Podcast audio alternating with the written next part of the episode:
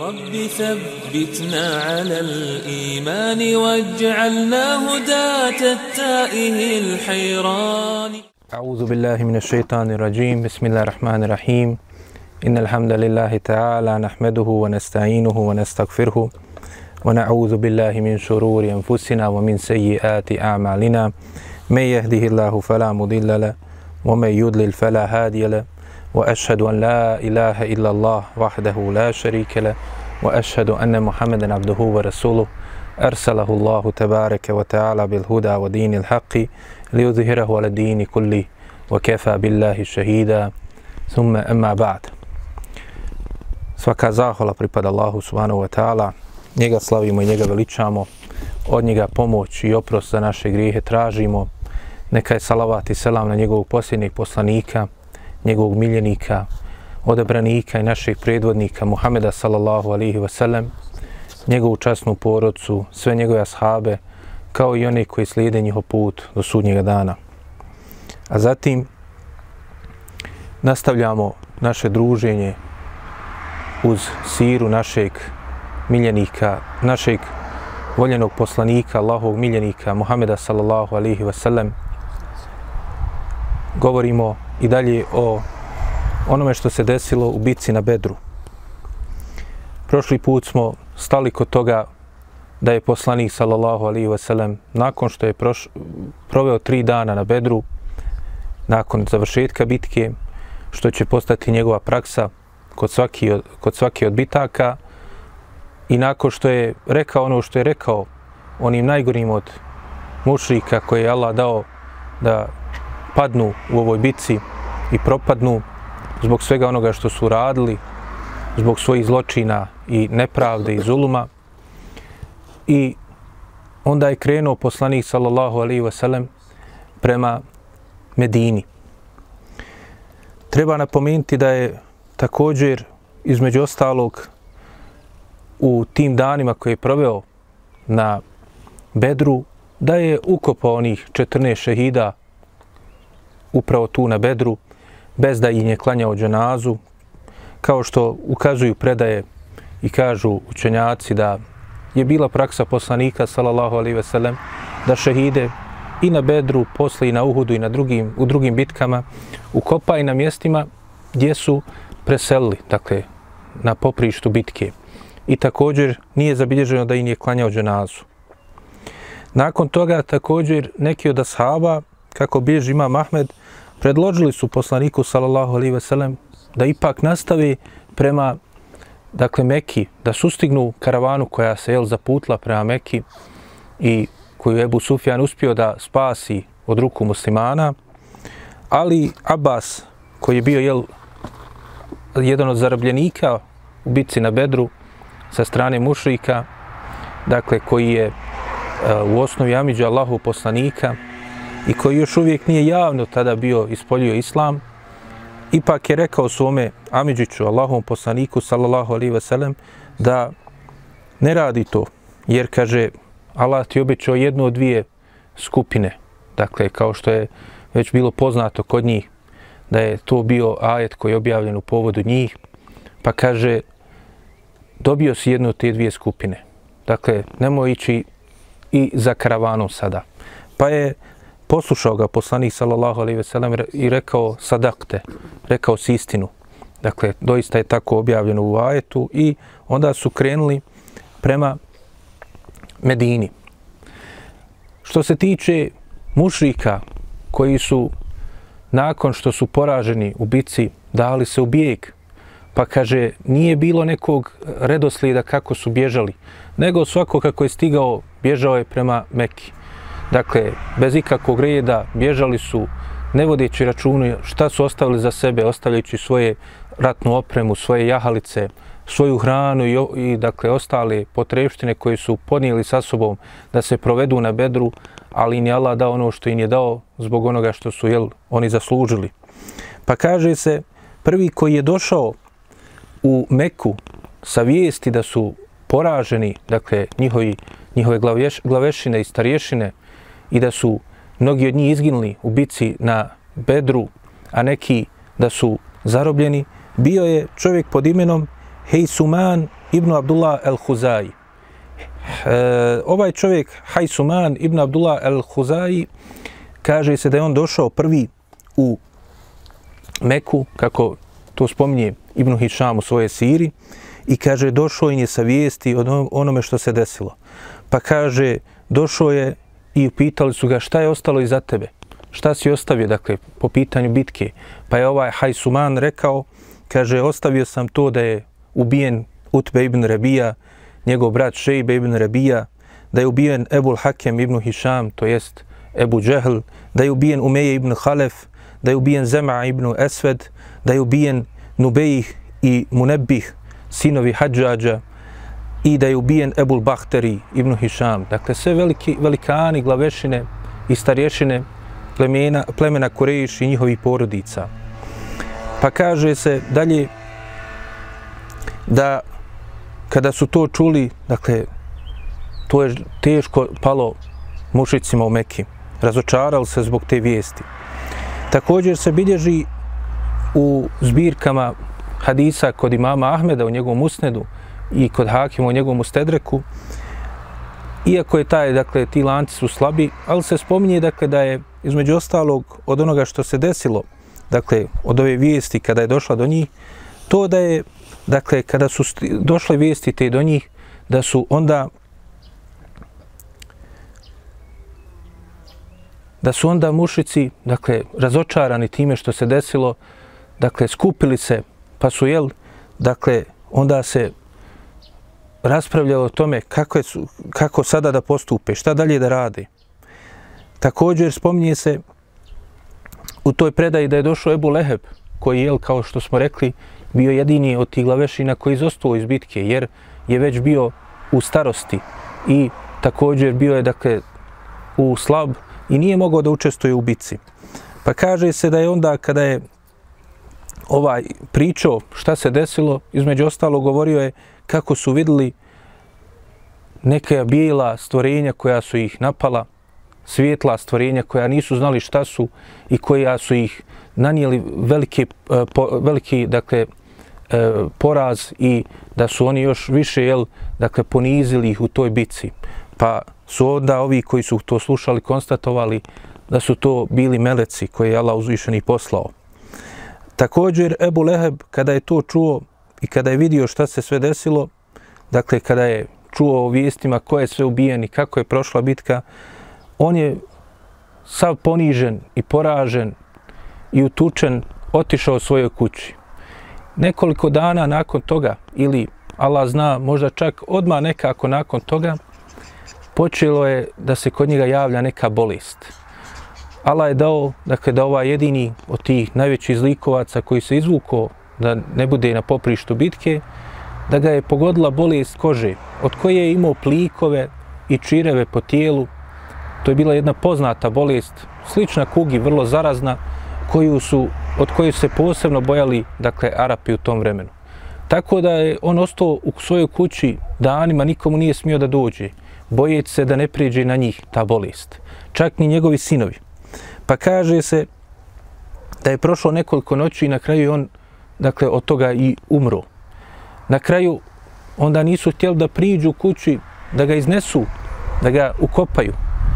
Pa su na kraju ljudi počeli da pričaju o tome i da kritikuju njegove sinove i onda su oni na kraju izašli i otišli, uzeli su, kaže, dakle, e, neke motke, pa su tim motkama ga vukli, nisu htjeli da ga dodiruju, da ne priđu mu skroz, pa su onda na kraju s tim motkama ga ubacili u nekim, dakle, e, brdovitom dijelu, e, dakle, e, Meke, kod neke stijene, dakle, iskopali rupu, dakle, daleko od ostatka, dakle, e, ostatka Mekke gdje ljudi borave, dakle, udaljeno od naseljenih mjesta, pa onda su, kaže, iz daljine, kaže, bacali kamenje na njegovu, dakle, e, mezar. Tako da, jel, Allah uzvišen je dao da na takav ponižen način onaj koji je pokušavao svo vrijeme u Mekki 13 godina da poslanika sallallahu alejhi ve sellem ponižava i najgori da ga vrijeđa iako mu je bio Amidža, iako je znao njegove vrijednosti i njegovo poštenje i njegovu povjerljivost ali dakle ta mržnja koja je izbijala iz njega na kraju ga je dovela i do ove propasti. Da nas Allah uzvišeni sačuva od toga da budemo od onih koji će na ovakav način se odnositi i da nas sačuva od džehennemske patnje. Dalje se kaže da kao plod dogovora onoga što su vidjeli, dakle, e, od posljedica te bitke, bilo je to da su mušici se dogovorili na kraju, dakle, kako bilježi Ibnu Hišam u svojoj siri, da neće biti onoga što je bilo poznato kod njih u to vrijeme, a to je naricanje. Dakle, da se nariče za mrtve. Jer glavešine su ubijene, neki su izgubili sinove, neki su izgubili svoje bližnje, ali su se dogovorili da bi jel, spriječili, kako su oni rekli, to da se muslimani naslađuju time, što će oni da nariču, da čita Meka, jel, pošto je svaka kuća, dakle, dala svoje glavešine i svako je na neki način, direktno ili indirektno u toj bitci od njih izgubio. Kao što su, jel, muslimani prije toga izgubili iz gotovo svake kuće, neko od muslimana bio u Mekki, pa je morao da učini hijđru, izgubio je nešto od svoga, jel, i metka i morao da učini hijđru i ostao, dakle, u izgnanstvu. Pa je Allah uzvišen i dao tako da se desi i ovim mušicima. Pa kaže se dalje, dakle, da oni to nisu, dakle, radili, nisu, dakle, naricali i nisu dozvolili nikome da nariče, bez obzira koga je izgubio. Pa se spominje da je El Esved ibn Abdul Mutalib, dakle, još jedan od tih, dakle, glavešina i starješina, rijetki koji su još uvijek preostali bili u Mekki, opet, jel, zbog toga što je bio stariji, dakle, spominje se da on izgubio tri sina u bitci na Bedru. Dakle, bili su od mušrika koji su, jel, ubijeni u bitci na Bedru. Pa kaže Ibnu Kethiru u svome dijelu El Bidajeva Nihaje, Ibnu Hišam u svoje siri, kaže se da je onda on čuo neku ženu kako plače. Pa je, kaže, poslao nekoga iz svoje kuće da vidi o čemu se radi.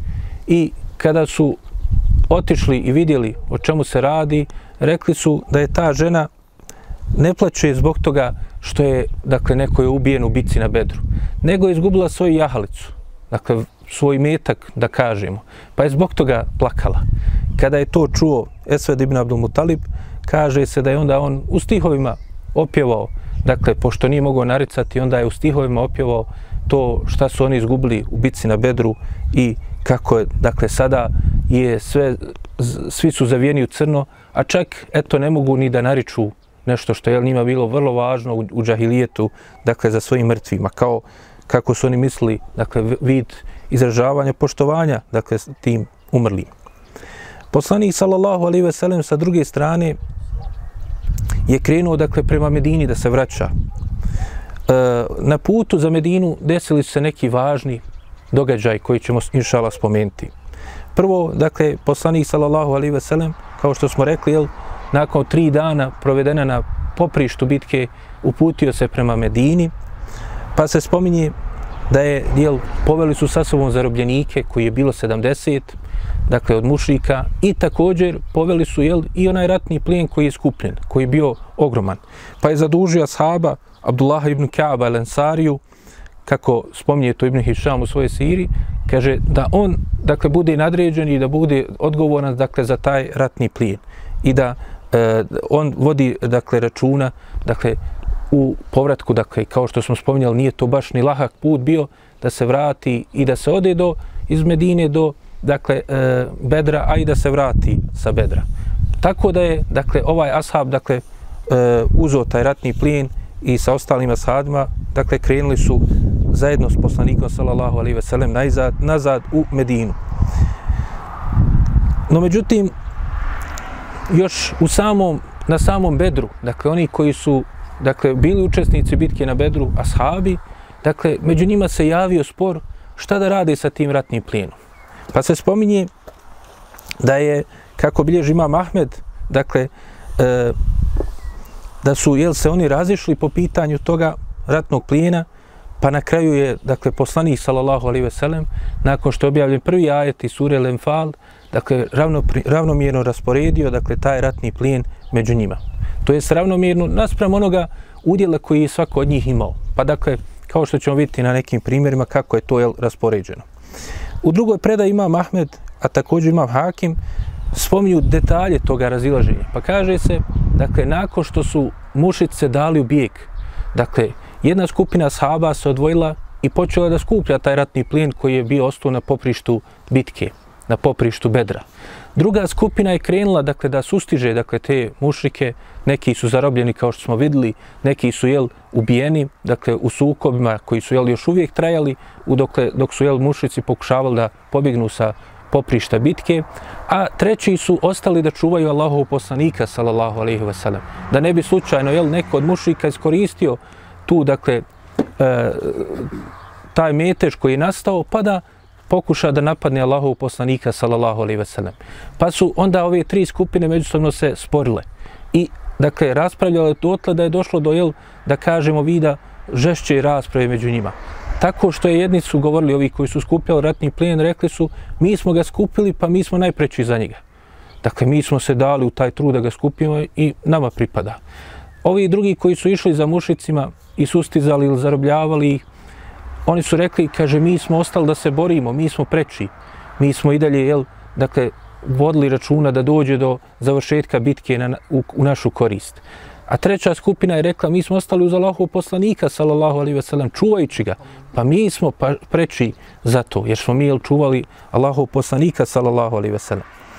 I tako su oni raspravljali sve dok Allahom poslaniku, sallallahu alaihi ve sellem, nije objaž, ob, objavljen ajet uh, u kojem Allah uzvišen jel, na početku sure El Enfal kaže, dakle sure kao što smo rekli i kako imam Buharija bježi, koja je objavljena u povodu bitke na Bedru i koja je dakle od samog početka jel već govori o bitci na Bedru, a i također mnogi ajeti kao što smo vidjeli govori o nekim od događanja i nekim od dakle pouka i, e, i e, koristi koje su za nas iz bitke na Bedru, dakle spominut se u ovoj suri. Allah uzvišeni kaže na početku ove sure Auzu billahi mine šeitani rajim, bismillahirrahmanirrahim, jes aluneke anil enfal. Kaže, pitaju te o ratnu plinu. To jeste, jel, oni su onda došli i pitali poslanika, sallallahu alaihi veselem, ko je preči? Ovi kažu mi smo, ovi drugi kažu mi smo, treći kažu mi. I na kraju Allah uzvišnje objavljuje ajete i kaže, pitajte o ratnom plijenu. Kaže, kulil enfalu lillahi var rasul. Kaže, reci, ratni plijen pripada Allahu i njegovom poslaniku. Dakle, nijedno od vaših, od tih skupina, to je u osnovi Allahu i njegovom poslaniku. To jest da oni odrede kome će jel, šta od toga pripasti. Fetakullahe waslihu aslihu zate bejniku. I onda pogledamo kako Allah uzvišen i dalje nastavlja taj ajet i kaže bojte se Allaha i popravite međusobne odnose i izmirite se međusobno i riješite vaše međusobne razmirice. Kao što kaže Šej Sadi, pogledajmo kako Allah uzvičen, dakle, daje odgovor na pitanje, ali odmah nadovezuje se važnost, dakle, da dunjalučki razlozi ne budu raz, dunjalučki povod ne budu razlog, dakle, razilaženja, cijepanja, dakle, e, safa, ili ne do Allah, dakle, nejedinstva, ili također, jel, da dođe do nekih, dakle, teži riječi da neko nekome uputi, ili da uradi nešto što ne, ne bi trebao, tako da dođe, jel, do neprijateljstva, ili, dakle, do, e, dakle, razilaženja među ashabima koje će imati, jel, trajnije posljedice. I kaže Allah uzvišen, jel, bojte se Allaha, znači upozoravaj da to ne radi. Kaže še Sadi, kako to da riješe? Tako što će, jel, jedni drugima, dakle, na lijep način se odnosi prema jednim prema drugima. I također da prelaze preko toga. Drugim riječima, ovo što je prijehodno rečeno, prijeđite preko toga što je rečeno. Dakle, zaboravite to što ste međusobno rekli, dakle, nemojte da to ostavi traga na vas. I na kraju Allah uzvičeni taj ajet završava i kaže وَاتِيُوا اللَّهَ وَرَسُولَهُ إِن كُنْتُمْ مُؤْمِنِينَ Dakle, govori ashabima, upozorava ih, prije toga kaže bojte se Allaha, a ovdje kaže i pokoravajte se Allahu i njegovom poslaniku ako ste vi doista vjernici. Ako ste doista vjernici, morate biti u pokornosti Allahu i njegovom poslaniku. Kao što kaže Šej Sadi u tefsiru ovog ajeta, ako se ne pokoravate, znači niste istinski vjernici. Dakle, vidimo tu, jel, Allah uzviše nije razdvojio između pokornosti njemu i njegovom poslaniku. Drugim riječima, jel, između objave koja je u Kur'anu i onoga što je u, kod poslanika, sallallahu alaihi ve sellem, u sunetu. I na kraju, šta je bila Allahova presuda po pitanju ovoga? Pa ono što je poslanik, sallallahu alaihi ve sellem, i onako kako je on raspodredio. Dakle, opet njegov sunet, opet njegove riječi, njegov hadis. Dakle, i to je način, jel, kako se jel, uzima onda da se dijeli ratni plin u ovoj dakle situaciji. Također, dalje se kaže da su između ostalog u e, jedan od razloga koji se spominje za, kao povod objave ovoga ajeta jeste kako bilježi e, Ebu Davud u svome sunenu, isto Ibn Hibban u svome sahihu, da su jel, između oni omladine koja je bila u bitci i oni starijih, dakle iskusnija ashaba, da između njih došlo do spora. Zato što su ovi mlađi govorili, mi smo više uložili truda, mi smo više jel, učestvovali. Videli smo, na primjer, one dvojice mladića koji su ubili Ebu Džehla e, i tako dalje, da su jel, oni dali veći doprinos, pa kao da su oni preći. A s druge strane, jel, ovi iskusni ashabi, stariji, oni su govorili da su oni preći. Pa je, kaže, opet u tom u toj raspravi objavljen onda ovaj ajet, dakle, po povodu toga. Treći razlog koji isto se navodi kod imama Ahmeda jeste da je Sad ibn Abi Vakas, koji, kao što smo rekli, da je on izgubio svoga brata Umeira u bici na Bedru. I onda je on poslije toga ubio Al-Asa ibn Saida, jednog od jel glavešina, dakle, mušrika u, u i onda je uzeo njegovu sablju i htio da je uzme sebi. Pa je onda mu bilo rečeno da to treba da vrati, dakle, vrati u ostatak ratnog plina. To mu je čak, jel, lično poslanik, sallallahu alaihi ve sellem, rekao. Pa kaže, vratio je to i onda je nakon toga Allah uzvišen objavio ovaj ajet, dakle, da je poslanik, sallallahu alaihi ve sellem, rasporedi ratni plin, da on u osnovi pripada Allahu i njegovom poslaniku, pa je, kaže, poslanik, sallallahu alaihi ve sellem, nakon toga zovnuo Sada ibn Abi Vakasa i rekao mu, kaže, idi i uzmi onu sablju, zato što si ti najpreći za nju. Kao što se jeli spominje da je Abdullahu ibn Mes'udu dao za, e, dakle, e, sablju Ebu Džehla, a da je Muazu ibn Amru ibn Džemuhu, jednom od onih koji su ubili također i učestvovali u ubistvu Ebu Džehla, da mu je nje, dao njemu njegovu dakle, ratnu opremu. Tako da je rasporedio je svakome naspram onoga koliko je bio njegov udjel. Dakle, tako da su neki od njih dobili dakle, od opremu od onoga koga su oni jel, dakle, ili zarobili u, ili ubili u bitci. U svakom slučaju, svi ovi povodi objave su ispravni, a i kao što je poznato, jel, općenitost, dakle, značenje ajeta ostaje, iako ima jel, neki poseban povod zbog objave toga ajeta. Pa dakle, poslanik sallallahu alaihi ve sellem, kako se dalje spominje, u mjestu Safra, dakle, to je jedan tjesnac na putu između e, Medine i Bedra, je zastao i onda je dao da se podijeli, dakle, ratni prijen, dakle, između ashaba, e, također se spominje, dakle, i tu tom prilikom onda je objavljen drugi ajet iz Ure El Enfal u kojem se govori o, rat, o, o petini, kako bilježi imam Buharija, dakle da je tada objavljeno to, pa je poslanik sallallahu alejhi ve sellem uzeo petinu, dakle koja pripada njemu i njegovoj porodici, a onda ostalo jel se rasporedilo ravnomjerno uzimajući obzir opet jel kakav je bilo učešće svakoga u bici i dakle e, zasluge da se podijeli, pa čak i nekima koji, kao što smo rekli, nisu učestvovali u bici, poput Osmana i kćerke poslanikove Rukaje, koja je bila tada bolesna, koja će preseliti prije što se i vrati Allahov poslanik sallallahu alaihi ve sellem u Medinu, Dakle, i još neki asabi koji smo već nabrojali, dobili su jel, dakle, udio u ratnom plenu zato što su oni bili opravdani zašto nisu učestvovali ili su vraćeni zato, nakon što su bili povrijeđeni na putu iz Medine u Meku ili kao Ebu Lubabe kojeg je poslanik sallallahu alaihi veselem ostavio da bude njegov zamjenik u Medini ili druga dvojica muhađira osim Osmana, dakle, ukupno, ukupno i se spominje da je bilo trojica, a to je, dakle, e, Talha i Sejid ibn Zaid koji su bili u izvidnici pa su jel, vratili se tek kada se bitka završila. Dakle, sreli su poslanika sallallahu alaihi veselem i vojsku u povratku sa Bedra. Dakle, e, tako da nisu imali priliku da učestvuju u samoj borbi. Ali su ubrojani dakle, od Bedrija. E, također, e, poslanik sallallahu alaihi veselem tada je uveo jednu praksu koja će ostati e, i dalje nakon toga, a to je dakle da on uzme dio koji se zove Safi, dakle naj, neki od najdobraniji dio od ratnog plijena da uzme dakle predvodnik, to jeste u ovoj prilici Allahu poslanik sallallahu alaihi ve sellem. Kao što spominje e, Hafiz ibn Kethir u svome tefsiru, dakle tefsiru ibn Kethira se spominje da je onda bila praksa da se uzme nešto što je najvrednije. Da li neki konj, da li neka jahalica, da li neko drugo dio od oružja, dakle ili neki dakle od zarobljenika, dakle kao rob da pripadne dakle predvodniku. E, poslanik sallallahu alejhi ve sellem je također tako uradio i u ovoj bici, pa se spominje da je onda on uzo, kako bilježi ima Mahmed ibn Mađe, dobrim lance prenosilaca, da je poslanik sallallahu alejhi ve sellem uzeo sablju koja je poznata kao sablja Zulfikar. To jeste imala je dva, dvije oštrice na svome vrhu, pa je poslanik sallallahu alaihi ve sellem uzeo tu sablju za sebe, a poslije će ona pripasti Ali radijallahu anhu nakon preseljenja Allahov poslanika sallallahu alaihi ve sellem. Dakle, e, to je ono što je poslanik sallallahu alaihi ve sellem sebi odebrao od dakle ratnog prijena. E, inače isto ono što je interesantno da je ovim momentom kao što ćete vidjeti nekada u istorijskim izvorima u knjigama Sirije se spominje da je ovo bio kaže prvi ratni plijen. Mi smo vidjeli kod dakle e, izvidnice e, u mjesto Nahla od Abdullaha ibn Đahša, da je tada prvi ratni plijen uzet od strane muslimana. Ali ovo je dakle prvi put da je poslanik sallallahu alejhi ve sellem lično učestvovao. Pa dakle ovo je bio prvi ratni plijen u dakle bitci. Ono je bilo u izvidnici. Ovo je u bitci zato što je tu bio i Allaho poslanik sallallahu alejhi ve sellem.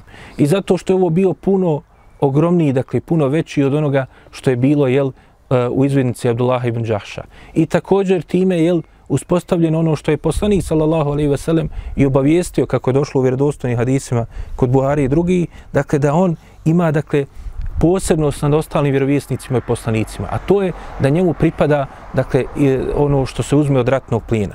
Dakle da ima pravo jel njegova vojska, dakle njegov umet nakon njega da uzme ratni plin. Pa se spominje da je prije toga kako bilježi Ibnu Hiban ima Mahmed se spominje e, da su prethodni vjerovjesnici i poslanici kada bi zarobili nešto u borbama od ratnog plijena, skupili bi to na jednu kamaru i onda bi dakle, došla sa neba vatra koja bi to dakle, pojela, uništila, tako da ne bi uzimali ništa od ratnog plina. Jerhamkela.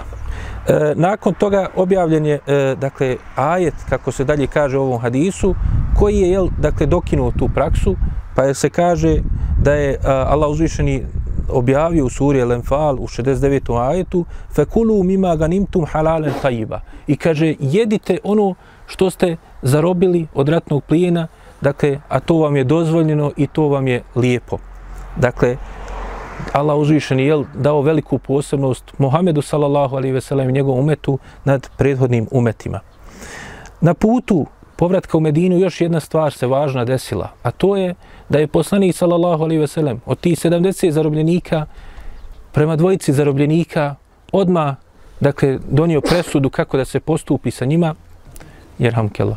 i također da je poslanik sallallahu alejhi ve sellem mimo njih svi ostali presuda mu je bila za ovu dvojicu dakle da budu oni kaženi sa ubistvom dakle to su bila dvojica od najgorih zločinaca među mušicima.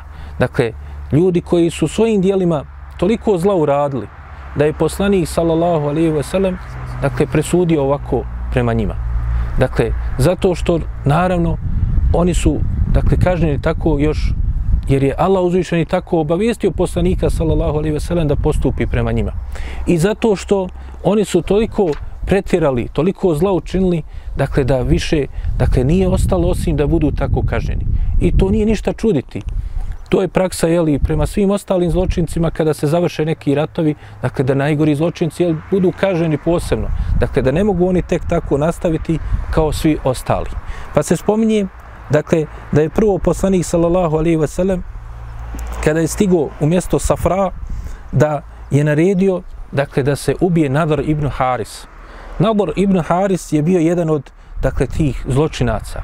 Spominjali smo, dakle, on je bio taj koji je, kada smo govorili o događajima zlostavljanja poslanika, sallallahu alaihi veselem, i borbi protiv njega u Meki, da je on bio taj koji je, dakle, došao sa kazivanjima, saznao Eh, kazivanja perzijskih, dakle, eh, vladara i carjeva i onda je to pokušavao da kaže, evo, zar nisu ova moja kazivanja bolja i, ili ista kao što i spominje Muhammed sallallahu alaihi ve sellem. I da je ljude odvraćao, da je ulagao svoj metak na putu odvraćanja od Islama i tako dalje.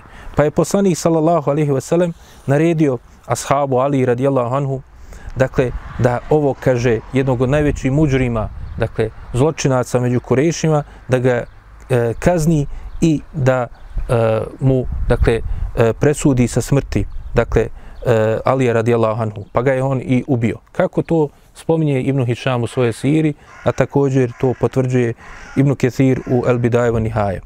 Drugi od njih je bio Ukbe Ibn Abi Muajt, koji je postao poznat, kako smo spominjali opet kod tih govora o zločinima nad muslimanima u, Medi, u Mekki, na zlostavljanju, u kazivanju o zlostavljanju poslanika, sallallahu alaihi ve sellem, u Mekki, da je on bio taj, kako je došlo u hadisu kod Buharije, eška kaum, dakle, najnesretniji od naroda.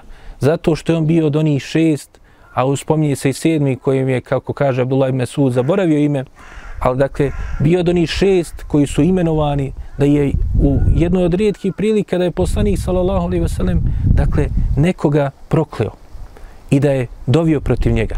Dakle, zašto? Zato što svi ti su bili od tih zločinaca kojima je Allah uzvišeni zapečatio srca i koji su svojim dijelima upravo to i zaslužili.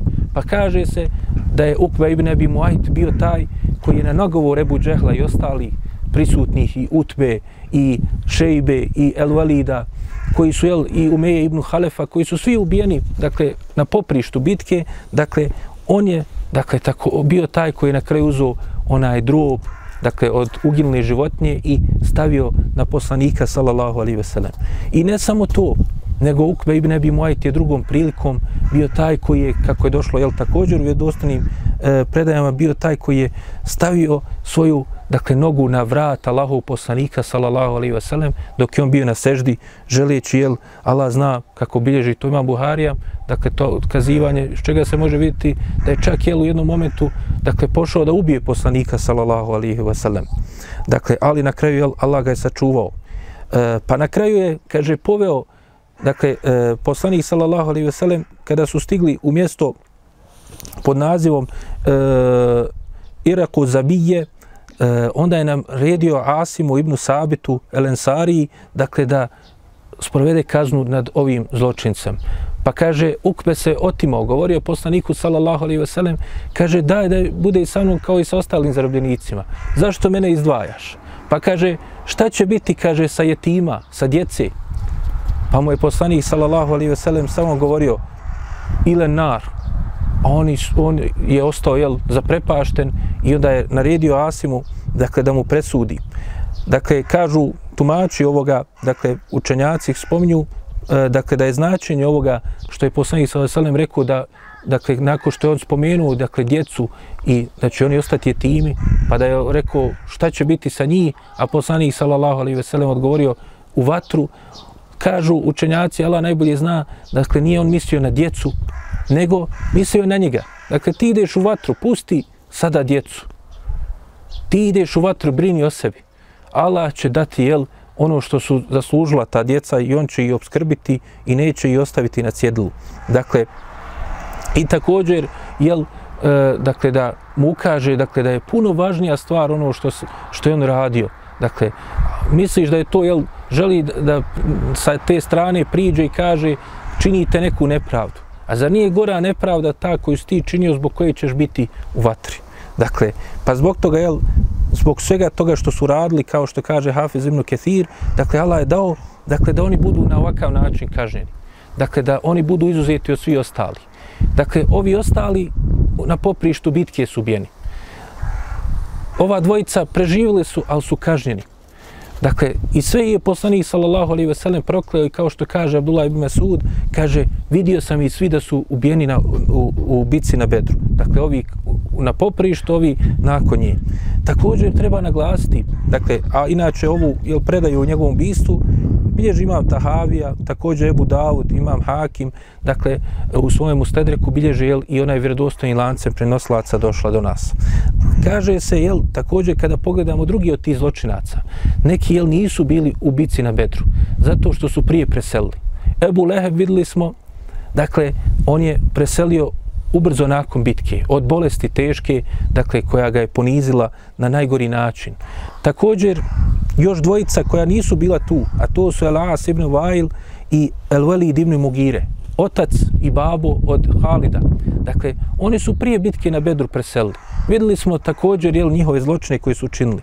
Dakle, e, u dakle, periodu oko bitke na Bedru.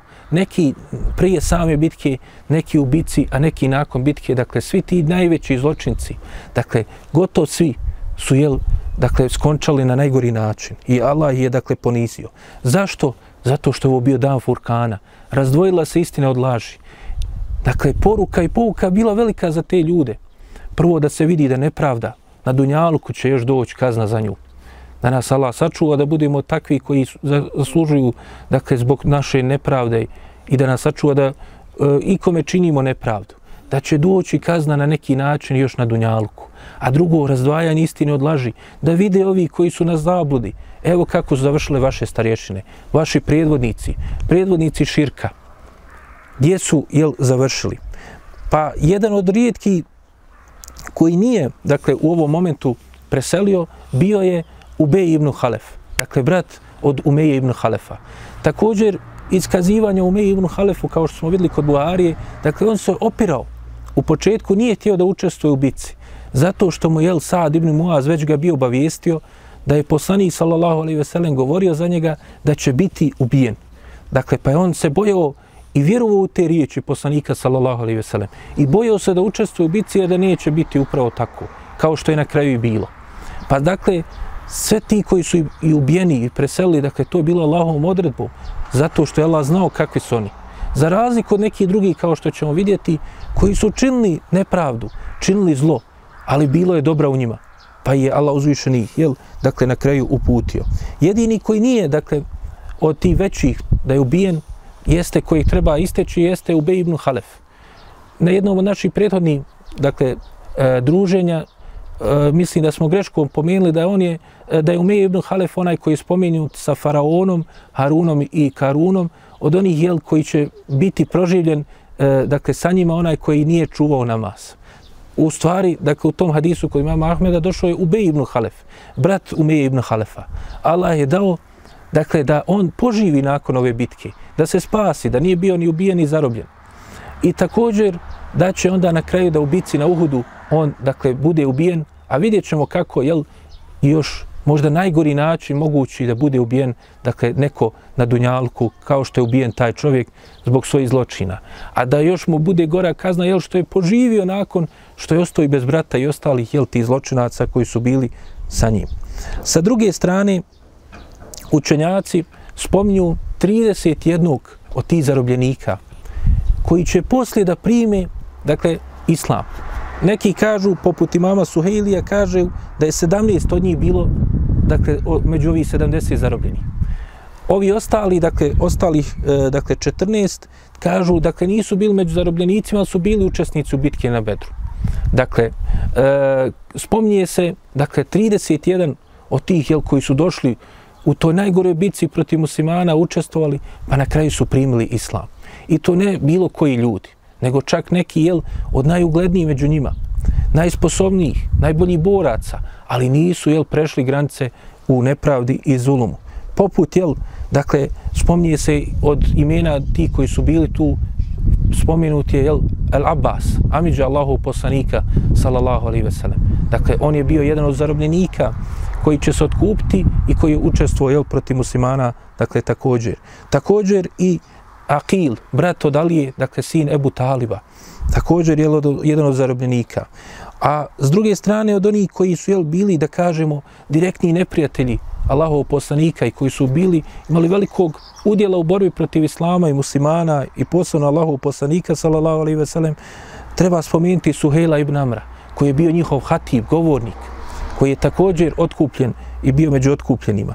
Također Halid, brat Ebu Džehla, dakle, i on će poslije da primi islam i e, dakle da se spasi. Također Halid ibn Velid, također Amr ibn Las, poslije jel, veliki ugledni ashabi Allahov poslanika, sallallahu alaihi ve sellem. Također Ikrime, sin od Ebu Džehla, dakle, i on je jel, bio jedan od onih koji se uspio spasti na Bedru i koji je, dakle, poslije primio islam. Spominjali smo također i Abdurrahmana, sina Ebu Bekrovog, da i on bio među učesnicima, među mušicima i mušik u tom momentu u borbi protiv muslimana. Također se spominje, jel, kao što smo već ga ispominjali, Hakim ibn Hizam, koji je jel, poslije govorio i spominjao, dakle, Allah, kada bi se zaklinio, tako mi onoga koji me spasio na dan bedra. zato što je poslije primio islam, pa se spominje da je živio 120 godina, 60 godina kao mušrik, a kaže 60 godina kao musliman. Dakle, e, također Ebu Vakid Alejsi, poznati Ashab kasnije, također je bio ti koji će poslije primiti islam. A u Zamra i Halda, kao što ćemo išala vidjeti, kasnije kada prime islam, s njima će zajedno biti i Osman, e, sin Talhin, koji je također jel, primio islam. Dakle, iako je bio na strani mušika učesnik protiv muslimana. Poslanik, sallallahu alaihi wasallam, poslao je e, dvojicu ashaba Ensarija da obraduju stanovnike Medine sa pobjedom u bitci na Bedru. Pa kaže se, poslao je e, Abdullah ibn Revahu i Zejda ibn Haritha, dakle svoga jel, oslobođenog groba, dakle da obraduje stanovnike Medine. Zejda ibn Harisa je poslao e, u grad sami, da obraduje jel, stanovnike, tamo gdje su u osnovi bili, jel, kao što smo vidjeli, naselili muhađeri. A Abdullah ibn Revaha je poslao e, stanovnicima Alije, to jeste oni padinski malo uzdignuti dijelovi na stjenovitim, dakle, onim stijenama koje su, dakle, e, ok okruživale Medinu, da kažemo predgrađa, dakle, Medine, da on obraduje njih. Pa se spominje kod imama Hakima, dakle, da je poslanik, sallallahu alaihi ve sellem, poslao ovu dvojicu. Pa kaže u toj predaji Usama, sin Zejda, koji je, jel, kaže, čuo vijest i čuo glasove kako, dakle, e, Zaid Zeid ibn Haris se doziva ljude i govori da je, dakle, e, poslanik sallallahu alejhi ve sellem ostvario pobjedu i obradu da je su, i obradovo i sa ubistvom i Utbe ibn Rabije i Šejbe ibn Rabije i ostalih jel Ebu Džehla i tako dalje. Oni svi zločinaca koji su njima učinili veliku nepravdu koji su izlostavljali, mučili koji su i protjerali. Pa kaže se da je izašao u same kada je to čuo i rekao babi svome, je li to istina? Kaže da se to desilo. Pa kaže, rekao je uh, Zaid ibn Haritha, naravno, to je istina. Kaže, nakon toga uh, spominje se da su onda se jel, od radosti dakle ljudi počeli veseliti sa tom vijesti. Sa druge strane Abdullah ibn Ravaha je otišao dakle stanovnicima Alije, dakle predgrađa i također i obradovo i na svojoj jahalici je došao do njih i dakle podigao glas i govorio radujte se o Ensarije, radujte se sa spasom Allahov poslanika, sa ubijstvom mušrika i sa on, njihovim zarobljenicima. Kaže, otišli su i sinovi Rebini i sinovi Hadžađovi, Jebu Džehl, i Zema ibn Esved, i Umeje ibn Halef, i kaže, zarobljen je Suhejl ibn Amr, i nabrajao je, dakle, još neki od tih, dakle, poznati među njima od ti, dakle, zločinaca mušički. Ljudi su ga dočekali i upitali, je li to istina? On je rekao, ej, Allah, doista tako je kako sam vas obavijestio i uskoro će vam doći Allaho poslanik sallallahu alaihi ve sellem. U tom momentu spominje se da je Hasan ibn Sabit, pjesnik Allahu poslanika sallallahu alaihi ve sellem, opjevao dakle te taj događaj dakle i spominju se neki stihovi kako bilježi Ibn Hišam dakle u kojima je on opjevao dakle pobjedu muslimana. Poslaniku sallallahu alejhi ve sellem su onda delegacije izašle da ga dočekaju pred Medinom. Pa se spomni u mjestu Rauha, dočekali su ga neki od e, ashaba.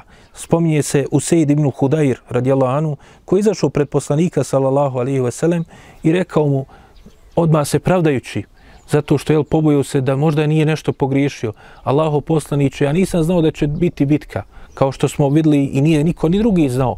Pa kaže, zato nisam izašao. Kaže, i nisam, da sam znao da će doći do borbe, ja bi sigurno izašao. Pa je poslanik, sallallahu alaihi ve sellem, ga utješio i rekao mu je, rekao si istinu, ne moraš brinuti, dakle, zato što nisi učestvovao. Kako to je spominjem, dakle, e, imam Behek i u Dalajlonu Buve i također Ibnu Kesir u svojoj dijelu El Bidajeva Nihaje. Također se tada spominje, dakle, da je velika grupa ljudi, dakle stanovnika Medine koji su još uvijek bili na širku, dakle primila islam. I tada se po prvi put javljaju munafici. To jest Abdullah ibn Ubej ibn Selul tada prima lažno islam. Zato što su vidjeli jačinu muslimana i pobjedu, pročulo se o tome i onda on prima islam, dakle, da bi jel, ovaj uživao u tim sada blagodatima islama, dakle, koji su se jel, počele da ukazuju. A u stvari krijući dakle svoje dakle nevjerstvo. E, također jedna od važnih stvari koja se onda desila jeste pitanje zarobljenika. Dakle, nakon što je jel, poslanik sallallahu alejhi ve sellem poveo te zarobljenike, kada su stigli u Medinu, rekao je ashabima, kako je došlo u predaj kod imama Taberanija, dobrim lance prenosilaca, kaže, lijepo postupite prema njima. Dakle, uzmite i odvedite, dakle, iako su bili mušici, borci protiv islama, protjerali ih iz njihovih domova, lijepo prema njima postupite.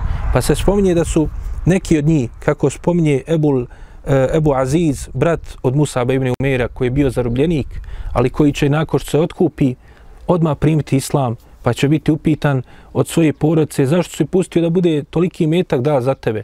Kaže, tako mi Allah, nisam htio da se kaže ja primam islam samo da ne bi kup, eh, platio uh, za sebe otkupninu. Nego je platio otkupninu i onda primio islam. I onda on opisuje kako je postupano prema njima. Pa kaže se da je rekao, kaže, bili smo odvedeni, dakle, svako od nas e, kućama kod, dakle, ashaba, pa kaže, oni bi jeli datule, a nama bi davali hljeb. Dakle, što je puno vrijednija hrana. Dakle, pogledamo, jel, kakav je bio odnos muslimana, iako su ovi bili, jel, ti zločinci, iako su ovi bili nepravednici, iako su oni bili na strani zla u osnovi i učinili mnogo zla prema njima. Dakle, davali su ono vrijednije što su imali njima, dakle da bi ih jel, ugostili pokazujući svoj moral naspram njihovog. Oni su njih protjerali iz njihovih domova, nisu im dali da ostanu kao muslimani u, Medi, u Mekki, a ovi ih u Medini kao zarobljenike ugošćavaju na najljepši način. E, nakon toga poslanik sallallahu alejhi ve sellem je pozvao ashabe i upitao ih kako da postupi sa ovim dakle zarobljenicima. Šta da rade sa njima?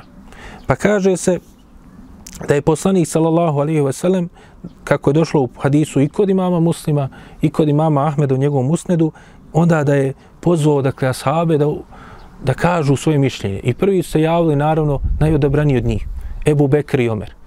I imali su različita, različite stavove.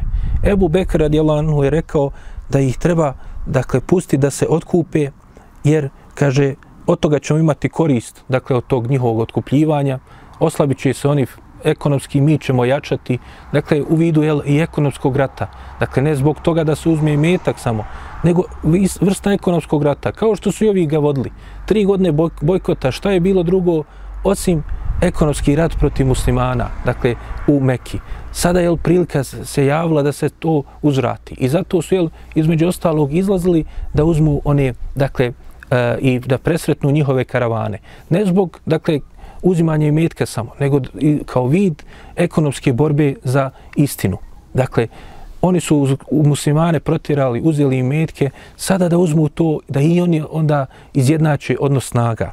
Pa kaže se da je dalje isto rekao Ebu Bekr i također kaže možda će Allah dati da oni prime islam nakon toga. Dakle, da se neki od njih dakle, e, pokaju i da ih Allah uputi u islam.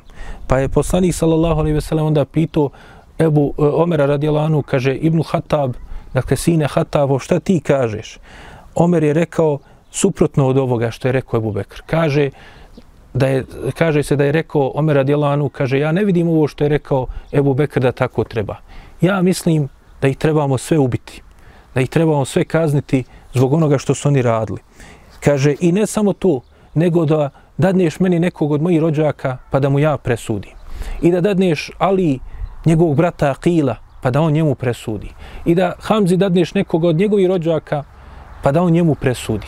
I da onda vide mušici da nema popuštanja, da nije ćemo prijeći preko onoga što su oni radili. Jer ovi ljudi, kaže, to nisu obični ljudi. To su, kaže, njihove starješine, to su njihove glavešine, njihovi predvodnici. Pa kaže, to će oslabiti njihovu snagu, to će njih odvrati od onoga jel, što su mislili protiv Islama. Dakle, jedno i drugo mišljenje imalo je svoju dakle, e, i gledajući logiku i, i također imalo je, dakle, e, pokaz, bilo je pokazate oštrumnosti i Ebu Bekra i Omera. Jedno i drugo mi, mišljenje, jel, bilo je su u njemu koristi za muslimane. Dakle, i govorili su jel, o jednom razumnom rješenju. Ne nekle, dakle, gledajući prema svojim strastima. Kao što vidimo, Omer kaže, daj meni mojeg rođaka, pa ću ja njemu presuti. Dakle, ne da se kazni samo neki tamo, nego Dakle, podnese, podnijeću i ja lično dakle, taj teret. Pa je poslanik sallallahu alaihi ve sellem na kraju rekao da mu je bilo bliže i draže onog što je rekao Ebu Bekr. I presudio onako kako je rekao Ebu Bekr.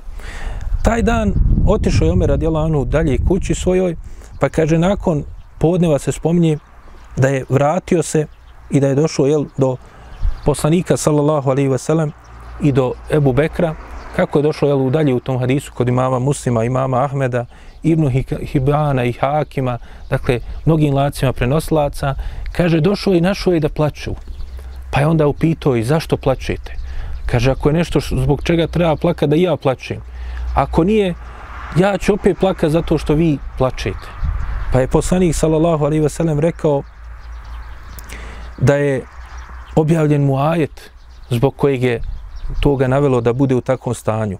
Kaže, e, plaćujem zbog toga što je meni dato e, i ponuđeno da uzmem, dakle, e, njihovu otkupninu za ove ljude, pa sam ja to prihvatio.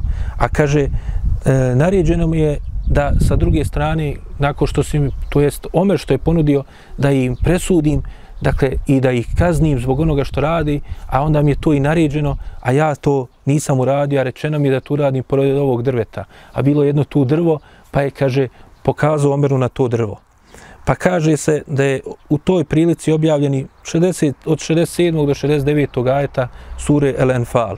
To jest riječ je Allah uzvišeno kaže, u kojima kaže Ma kane li nebijin en jekune lehu esra hatta yushine fil ardi kaže su u ovom ajetu, nije dozvoljeno vjerovjesniku da ima on sužnje, to je zarobljenike, dok ne pobjedi na zemlji.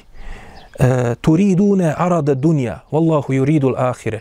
Kaže, vi želite neke dunjalučke dakle, stvari, dunjalučke blagodati i e, želite dakle, dio dunjalka, a Allah želi ahiret. Wallahu azizun hakim. Allah je, kaže, silan i mudar.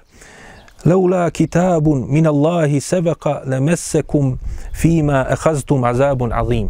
Allah uzvišen i dalje u drugom ajetu sljedećem kaže, kaže, i da nije Allahove prihodne presude, kaže, vas bi, kaže, dohvatila e, kazna teška i velika zbog toga što ste uzeli. Fekulu mimma ganimtum halalen tajiba. I kaže, i jedite od toga dakle onaj ajet koji smo već, dio ajete koji smo spomenuli, jedite od toga što ste zarobili, kaže što vam je halal i što vam je, dakle, lijepo. Wattakullaha inna Allahe gafuru rahim. I bojte se Allaha, a Allah je, dakle, e, onaj koji prašta i koji je milostiv. Dakle, objavom je potvrđen, jel bio stav od Omera radijallahu anhu. E, no međutim, po pitanju toga šta to znači da je potvrđen, dakle, E, stav Omera i zašto ipak na kraju, iako je objavljen ovaj ajet, poslanik je ustrajio na mišljenju Ebu Bekra. To nam objašnjava e, Ibnul Kajim, rahimahullah, koji je to lijepo pojasnio u svome dijelu Zadul Meat. Dakle, spajajući značenje ovog ajeta, a i postupka poslanika, sallallahu alaihi ve sellem. Oni koji se pozivaju i kažu, mi slijedimo samo Kur'an, nek ne kažu, odmah evo imaju priliku da kažu, da objasni kako je moguće da je poslanik, sallallahu alaihi ve sellem, postupio suprotno. Zašto nije nakon toga jel, odustao od, dakle, i vratio ako eventualno uzuo nešto od, od kupnine i onda presudio ovim mušicima. A ne, on je ustrajao. Zato što, jel, poslanik, sallallahu alaihi ve sellem, dakle, i on postupa po objavi. Dakle, sve je to objava. Ne samo Kur'an, nego i njegova praksa, praksa poslanika, sallallahu alaihi ve sellem, njegov sunet. Pa kaže Ibnu Kajim, Dakle, ljudi su, kaže, pričali o ovom, ovim mišljenjima. Dakle, bilo je, dakle, oni učenjaka koji su prethodno pojašnjavali. Pa kažu jedni, jel, dakle, preče je ispravnije mišljenje Ebu Bekra, drugi Omera. Kaže, pa kad pogledamo, e, dakle, mišljenje e, Ebu Bekra i, kaže, skupinu učenjaka koji su, jel, preferirali to mišljenje i na kraju, kada pogledamo da je na kraju ustrajala stvar na tome što je Ebu Bekr rekao, možemo vidjeti da je to iz više razloga. Zašto? Prvo zato što je, jel, kao što Allah kaže u drugom ajetu, kaže, dakle, Allah je prijedhodno presudio, dakle, prešao je preko toga, odobrio im je, jel, da mogu i tako postupiti. Dakle, zato, jel, što kaže da nije bio prijedhodne objave, kaže, bilo bi i prijedhodne Allahove odredbe, kaže, bili bi kažnjeni zato što ste uradili. Također zato što kaže u drugom hadisu Allah uzvišeni je dakle hadisu kuciju dakle rekao da je njegova milost pretekla njegovu srđbu kao što je došlo u hadisu kod imama Buharije i drugim zbirkama hadisa. Dakle, da je Allah uzvišeni odredio da njegova milost pretekne njegovu srđbu. Također i zbog toga što je poslanik sallallahu alaihi ve sellem uzeo, kaže, stav koji je slični stavu, dakle, Ibrahima, ali i selam i Isa ali selam. I to je dakle bio stav Ebu Bekra.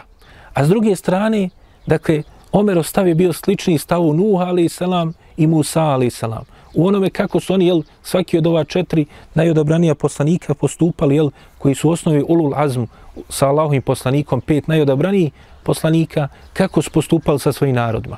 Pa Ibrahim, ali salam, jel, Isa su prelazili preko toga što su i njihovi narodi radili i što je zadesilo. Za razliku od Nuha, koji, jel, na kraju njegov narod je potopljen i za razliku od Musa, koji, jel, kažnjavo, dakle, svoj narod za ono što su činili od loših stvari. Pa kaže se, jel, čak i u jednom hadisu se spominje, koji je slab kod imama Ahmeda, da je čak poslanik sallallahu alaihi veselem i rekao Ebu Bekru, ti si, kaže, slični Ibrahimu i Isau, a onda naveo ajete koji govori jel, o njihovom milosti i rahmetu, a s druge strane Omeru je rekao ti si sluč, slični Musau i Nuhu, pa onda je naveo ajete koji govore jel, o tome kako su oni strogo postupali jel, prema svome, dakle u nekim prilikama prema svome narodu. Također, I ono što je se desilo poslije, kao posljedica toga što je poslanik sallallahu alejhi ve sellem prihvatio otkupljenje, ukazuje jel da kada je u tome se krila velika korist za muslimane. Zato što su jel na, na osnovu kao što smo vidjeli toga što su neki posle primili islam, to što su neki podučili muslimane jel pis, i opismenili također i što su muslimani ojačali ekonomski sa tim, dakle, st, st, u toj ekonomskoj borbi sa mušicima, a mušici oslabili zato što su jel, morali da danu velike otpremnine. Također, e, se dalje kaže, e, dalje kaže Ibnu Kajim, da kaže, zbog toga je e, onda bio preči stav Ebu Bekra. Dakle, i zato je Allah dao, dakle, da poslanik iako je potvrdio riječi Omera, dakle da ipak se postupi po onome što je Ebu Bekr radijallahu anhu predložio poslaniku sallallahu alaihi veselem, on se složio. Što se tiče zašto je poslanik sallallahu alaihi veselem plakao u ovoj prilici i zašto je dakle u jednom momentu dakle poslanik sallallahu alaihi veselem uh, kada je objavljen ovaj ajet bio u toku je dakle tuzi, kaže se, talje kaže jel, isto Ibnu Kajim, to je zato što je kaže uh, Allah uzvišen je zaprijetio kaznu. I kaže, iako on, niti Ebu Bekr, oni nisu gledali dunjalčku korist u tome. Možda je neko da sahaba kaže, jer je Allah to i objavio, neki od vas kaže želi, neki od njih su želili tu jel korist. Dakle, i smatrali da im to pripada. Pa kaže, oni su se onda bojali, dakle, da ta kazna neće samo zadesiti te, nego da će obuhvatiti sve ostali, zato što su dio toga. Jel, kao što je se spominje u nekim ajetima, tu je korist izvuk Ibnu Kajim, dakle iz drugih ajeta u kojima se spominje da kazna neće samo potrefiti one koji su jel, dakle, uzrokovali, nego i one druge koji to jel, nisu spriječili, koji su bili tu i nisu na neki način se tome suprostavili. E, I također, e, tu korist je izvuk koji iz toga kaže što se desilo na danu Hunina. Kada su samo neki od pojedinaca među muslimanima rekli, kaže, danas neće nas niko pobijeti. Mi smo, kaže, sada jači i brojni i mi ćemo sigurno pobijeti, pa je objavljen jel, onaj poznati ajet u kojem se osuđuju takve riječi i Allah je u jednom momentu jel, uzdrmao redove muslimana da vide jel, da se ne oslanjaju na svoju snagu i moć kao što nisu i odini u, u bici na bedru, nego da se oslanjaju na Allaha subhanahu wa ta'ala. Pa zbog toga, jel, dakle, ovo je pojašnjenje šta znači, dakle, ovaj ajet, dakle, e, e, i šta znači, dakle, to što je na kraju stav Ebu Bekra odabran. Također se spominju e, učenjaci da je nakon ovoga, dakle, e, bitke na Bedru i ovoj podjeli ratnog plijena, kažu da je ovaj, dakle, propis sa četvrtim ajetom surije Muhammed, dakle, da je, dakle, dokinut i da je ostavljena na izbor, dakle, e, vladaru, prije svega je u poslaniku, sallallahu alaihi ve sellem, a onda i vladaru, dakle, nakon njega koji ga, jel, koji preuzima vlast, dakle, da on izabere šta će postupiti. Dakle, ostavljeno u tom ajetu se razumije, dakle, da se može uzeti, jel, dakle, ne samo da se uzme otkupnina, nego ima pravo čak i da pusti nekoga. Da ga, kaže, dobrodušno pusti. Pa je ostavljeno, kaže, četiri izbora. Dakle, na osnovu svih predaja, uzimajući obzir taj ajet, kaže, četiri izbora. Ili, dakle, da im presudi kazni ih zbog toga što je to potrebno, Eh, zbog njihovih zločina, ako su neki od zločinaca i tome slično, i, ili da uzme otkupninu za njih. Treća stvar je da ih pusti dobrodušno i velikodušno. Ili četvrta stvar da ih jel porobi ako ima za tim potrebe. Dakle, i to je kao što kaže Hafiz ibn Kathir u, u tumačenju ovoga ajeta, to je ono na čemu je dakle, e, postalo mišljenje e, i, i ostalo mišljenje većine islamskih učenjaka. Dakle, da je vladar ima pravo izbora. A mi ćemo inšala vidjeti, jel, kroz primjere poslanika sallallahu alejhi ve sellem da je čak tako uradio i u ovoj bici. E, ovdje ćemo inšala zastati da E, sljedeći put ćemo onda nastaviti o govori dakle kako je poslanik sallallahu alejhi ve postupio prema ratnim zarobljenicima i još nekim porukama i koristima iz ove bitke. Molim Allaha subhanahu wa ta'ala da nam poveća znanje, da nas Allah uzvišeni e, obaspe svojom i obuhvati svojom milošću i oprostom. Molimo ga subhanahu wa ta'ala da nas poveća ljubav prema Allahom poslaniku, da nas učini od njegovih istinskih sljedbenika. Molimo ga subhanahu wa ta'ala da pomogne muslimanima na svakom mjestu, da odagna i uzdigne od nas i otkloni ovo iskušenje koje nas je zadesilo, da nam olakša da mjesec Ramazan dočekamo na najbolji način i iskoristimo ga na najbolji način. I molimo ga subhanahu wa ta'ala da kao što su muslimani nakon bitke na Bedru prvi Bajram proslavili, dakle, upravo nakon nje, dakle, prvi je bio Bajram, Bajram Ramazanski, dakle, da i mi proslavimo na najljepši način, nadajući se Allahove milošću i oprostu, dakle, Ramazanski Bajram. Amin, subhanike Allahumma bihamdike, ešhedu en la ilaha ila ente, stakviruke ve tublik. يا رب ثبتنا على الإيمان واجعلنا هداة التائه الحيران